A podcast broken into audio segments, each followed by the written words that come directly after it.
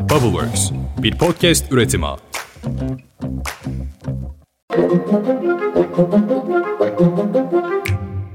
Günaydın. Bugün 14 Temmuz 2023. Ben Özlem Gürses. Bubbleworks Medya ile birlikte hazırladığımız 5 dakikada dünya gündemine hepiniz hoş geldiniz.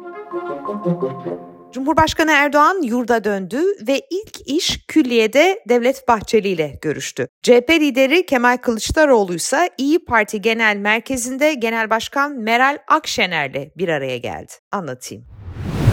NATO zirvesinin yankıları sürüyor. Erdoğan'ın Avrupa Birliği üyeliğimizin önünü açın çağrısına bir yanıt da Yunanistan'dan geldi. Yunan Başbakan Mitsotakis, Türkiye'nin Avrupa Birliği üyeliği yolu Atina ve Lefkoşa'dan geçer dedi. Mitsotakis, Türk-Yunan ilişkilerinin normalleşmesinin Ankara'nın Avrupa Birliği ile yakınlaşmasına da yardımcı olacağını söyledi. Bütün bunlara burada tanık oluyorum. Ben biliyorsunuz Selanik'teydim. Bugün itibariyle artık İstanbul'a dönüş yolundayım. Ama Yunan medyasında gerçekten de büyük yer aldı bu haberler. Yeni dönemde Türkiye-Yunanistan ilişkilerinde işbirliğini üç temel eksene oturtuyor Mitsotakis. Diyor ki bunlardan ilki siyasi diyalog ve bunların en önemlisi Türkiye ile aramızdaki anlaşmazlık olarak kabul ettiğimiz Ege ve Doğu Akdeniz'deki deniz alanlarının ve kıta sahanlığının sınırlandırılmasıdır. Yani iş gene dönecek dolaşacak arkadaşlar Ege'ye ve Kıbrıs'a gelecek. İkinci eksen güven artırıcı önlemler diyor. Üçüncü eksense pozitif gündem olarak adlandıracağımız çalışmalardır diyor. Bu sonbaharda Selanik'te iki lider bir araya gelecek. Ondan önce Yüksek İşbirliği Konseyi'nde Dışişleri Bakanları zaten bir takım görüşmelerde yol almış olacaklar. Mitsotakis bir de şöyle söylüyor. Türkiye'nin bizim kurallarımızla yani uluslararası hukuk ve çok taraflı rejimlerle hareket etmesi hepimizin stratejik çıkarına olacaktır. Gördüğünüz üzere her ülke diplomatik bir zafer olarak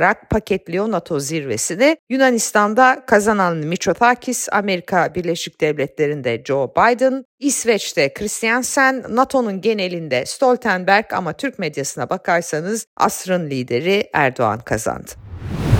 İsveç'in en yüksek yargı organı FETÖ şüphelisi olan iki kişinin suçlandıkları eylemle ilgili Türkiye'nin iade talebini reddetti. İsveç mahkemesi bu eylemin İsveç'te suç sayılmadığı gerekçesiyle iade talebini reddettiğini ifade ediyor.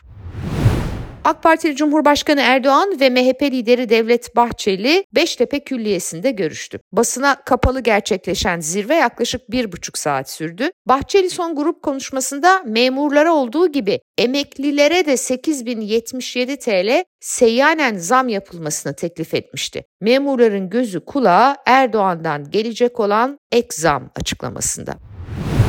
Ama bu müjde gelir mi açıkçası bilemiyorum. Zira Devlet Bahçeli'nin 15 milyon emekliye ek zam talebi AK Partili ekonomi yönetimini oldukça rahatsız etmiş. Gazete Pencere'den Fulya Açıkel'in haberine göre AK Partili yöneticiler ekonominin durumu malum zammı %25'e çıkartırken zaten çok zorlandık demişler ve %25'li zamma karşı çıkan MHP liderinin kendilerini çok zor durumda bıraktığını ifade etmişler. İyi de her şeye zam geliyor. Çiğ süte %35,2 oranında zam geldi. Ulusal Süt Konseyi çiğ süt tavsiye fiyatının 1 Ağustos tarihi itibarıyla üreticinin eline litre başına 11,5 lira geçecek şekilde belirlenmesine karar verdi. Şimdi üretici de haklı ama bu artış perakende süt fiyatlarına yansıyacak. Yani süte, peynire, yoğurda sütten yapılan her ürüne zam gelecek. Cumhuriyet Halk Partisi Genel Başkanı Kemal Kılıçdaroğlu, İyi Parti Genel Başkanı Meral Akşener'le İyi Parti Genel Merkezi'nde bir araya geldi. CHP lideri Kılıçdaroğlu'na Genel Başkan Yardımcısı Ahmet Akın eşlik etti. Görüşme talebinin CHP'den gittiği biliniyor. İki genel başkanın buluşmasından önce CHP'nin yerel yönetimlerden sorumlu Genel Başkan Yardımcısı Ahmet Akın'la İyi Partili mevkidaşı Burak Akburak'ın yerel seçim gündemiyle bir araya geldiği de biliniyor. Önce bu iki isim görüşmüş. Yaklaşık bir saat süren bu görüşmede bu iki kurmay yerel seçimlerin yanı sıra siyasetin sıcak başlıklarını da değerlendirmişler. İşbirliği yapılabilir mi? İttifak artık bitti biliyorsunuz ama bazı il ve ilçelerde işbirliği olabilir mi? Bu iki ismin görüşmesinin ardından da Kılıçdaroğlu ve Akşener Ankara'da İyi Parti Genel Merkezi'nde buluştular. Yargıtay 3. Ceza Dairesi tip Hatay Milletvekili Can Atalay'ın tahliyesine yönelik başvuruyu reddetti. Türkiye İşçi Partisi'nin Twitter hesabından Yargıtay 3. Ceza Dairesi Anayasa Mahkemesi'nin kararını çiğneyerek Hatay Milletvekilimiz Can Atalay hakkında tahliye talebini reddetti. Saraya ve onun talimatıyla çalışan yargıya boyun eğmeyeceğiz. Can çıkacak, mücadele sürecek paylaşımı yaptı.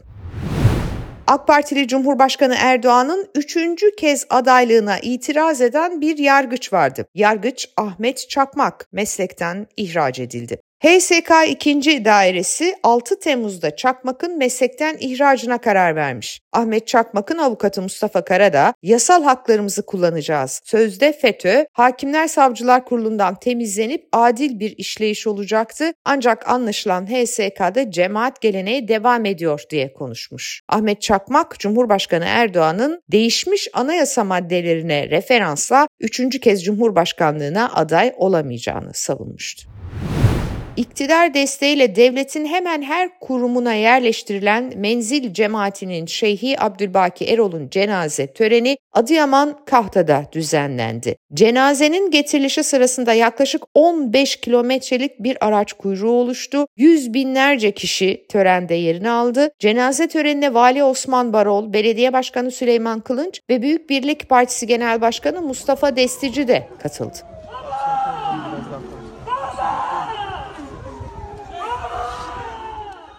Vefat nedeniyle Cumhurbaşkanı Erdoğan, Deva Partisi Genel Başkanı Ali Babacan, Gelecek Partisi Genel Başkanı Ahmet Davutoğlu ve Saadet Partisi Genel Başkanı Temel Karamollaoğlu da birer taziye mesajı yayımladı. Cumhurbaşkanı Yardımcısı Cevdet Yılmaz da Menzil köyüne bizzat gelerek Seyyid Abdülbaki El Hüseyin'in ailesine bir taziye ziyaretinde bulundu.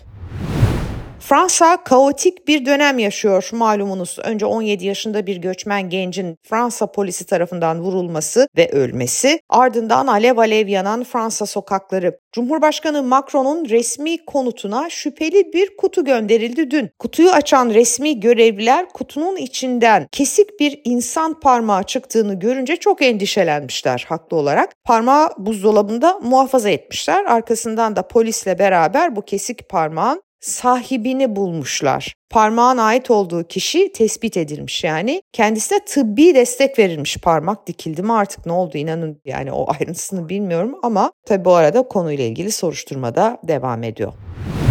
Dünyaca ünlü pop yıldızı Britney Spears aynı zamanda travmatik bir hayatı var. Uzun zamandır babasının kontrolünde yaşıyor biliyorsunuz. Arada bir kaçıyor. İşte yargı kendisinin lehine kararlar veriyor ama günün sonunda vasisi babası. Spears'ın bu şöhret, annelik, özgürlük konularına odaklandığı bir anı kitabı vardı uzun zamandır yazdığı. The Woman in Me, İçimdeki Kadın okurla buluşmaya hazırmış. Ön sipariş verilebiliyor. 24 Ekim'de ise bütün raflarda piyasada olacak. 41 yaşındaki Spears anı kitabının çıkacağı haberini sosyal medya paylaşımında bir video ile duyurdu. Spears yayınladığı videosunda kitabı bitirmek için çok fazla terapi gördüm. Umarım seversiniz diyor. Hazin tabii yani bir yanda bu kadar şöhret. Grammy ödülü almış şarkılar, konserler. Ortada çocuklar var tabii bir de. Anne çünkü biliyorsunuz Britney Spears. Zor. Bunlar zor hayatlar. Muazzam bir şarkısıyla bitirelim Britney Spears'ın o zaman bu haftayı. Umutlu ve güzel bir hafta sonu olsun size. Aman sıcağa dikkat. Hem Avrupa coğrafyası hem de Türkiye coğrafyası alev alev deyim yerindeyse pazartesi sabahı umuyorum daha serin bir sabahta tekrar buluşuncaya dek.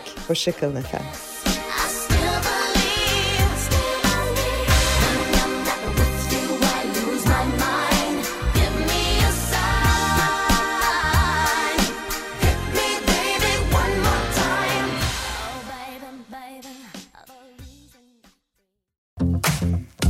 Bubbleworks, bir podcast üretimi.